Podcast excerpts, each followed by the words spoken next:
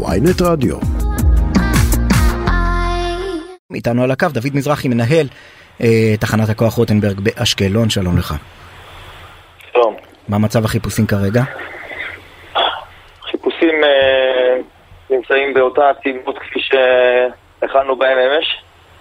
יש לנו כוחות של אה, חברת החשמל מהיחידה הימית, כוחות אה, של משטרת ישראל, חיל הים וגופים נוספים אה, מצה"ל שמסייעים לנו בתהליכי החיפוש כאן. אנחנו מתמקדים בפעילות באזור הקריסה של הגשר, שנמצא מרחק של קילומטרים מהחוף, שניים שלושה קילומטר מהחוף, והפעילות נעשית גם מעל פני המים וגם אה, מתחת לפני המים.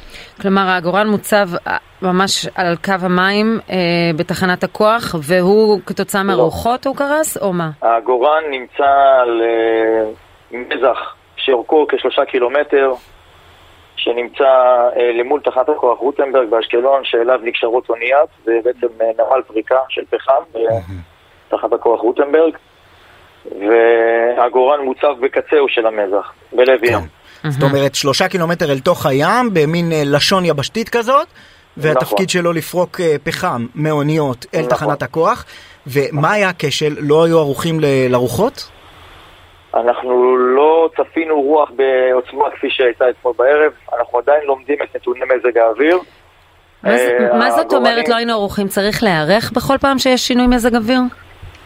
יש לנו תרגולת אה, מוכחת וידועה מזה שנים, אנחנו מדי עשרות שנים מפעילים את העגורנים האלה במזג אוויר שונים, ואנחנו יודעים אה, לפרוק גם בתנאי חורף וגם בתנאי קיץ, אבל במצבים קיצוניים, שמתקבלת התרעת מזג אוויר ספציפית, אנחנו יודעים לפעול גם באופן כזה שהאונייה שקשורה למזח, כפי שקורה בכל הנמלים בעולם, יוצאת לים, והעגורנים אה, נכנסים למצב של אה, נעילה.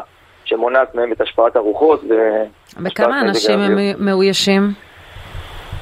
אה, יש לנו במצח הפעלה של מספר עובדים, אבל כל עגורן כזה מאויש על ידי עובד אחד. עובד אחד. יש לנו שני עגורנים. כן. וזה העובד ש- שנעדר. נכון. ודייג, המאמץ- המאמץ ויש שם שלנו דייג נוסף, בהקשר הזה של נכון? החילוץ נשא פרי, והצלחנו לחלץ את אחד המפעילים, וכרגע יש לנו שני נעדרים נוספים. ובאיזה שעה זה קרה? קריסת העגורן? מעט לפני אה, 23-30 אמש. כלומר, מ-11 וחצי בלילה עד עכשיו אה, עדיין נמשכים החיפושים.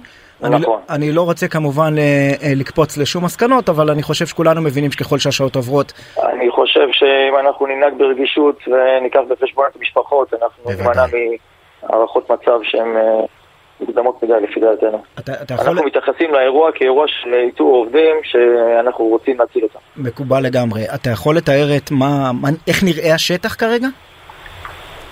השטח נראה כמו אתר של אה, קריסה, אה, עגורן שקרס על אותה לשון יבשתית שדיברנו עליה והביא לקריסה שלה גם.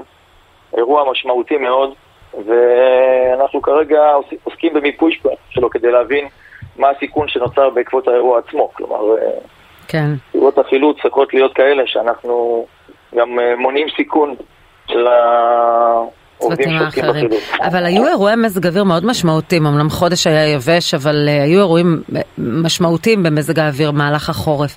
איך זה נכון. שהעגורן קרס עכשיו? להערכתך? אני לא, אני, עוד פעם, מוקדם מאוד לקבוע מה היו הגורמים, אני חושב שזה גם לא יהיה אחראי מצידי לומר דברים כאלה. אבל לראיה, עברנו כאן אה, מזגי אוויר קיצוניים, גם אה, סופת ברברה האחרונה. אנחנו יודעים להתמודד עם מזג אוויר קיצוני. במקרה הספציפי, יש כאן אירוע חריג במיוחד, שאנחנו מנסים ללמוד אותו, ויש לנו את הכלים לבחון ולנתח את האירוע הזה כדי ללמוד מה היה פה בדיוק. כרגע זה מוקדם מדי לומר. כן, בהחלט. טוב, אנחנו כולנו מצטרפים ל- לתפילה ש- שתמצאו אותם. דוד מזרחי, מנהל תחנת הכוח רוטנברג, תודה רבה על השיחה. תודה לכם.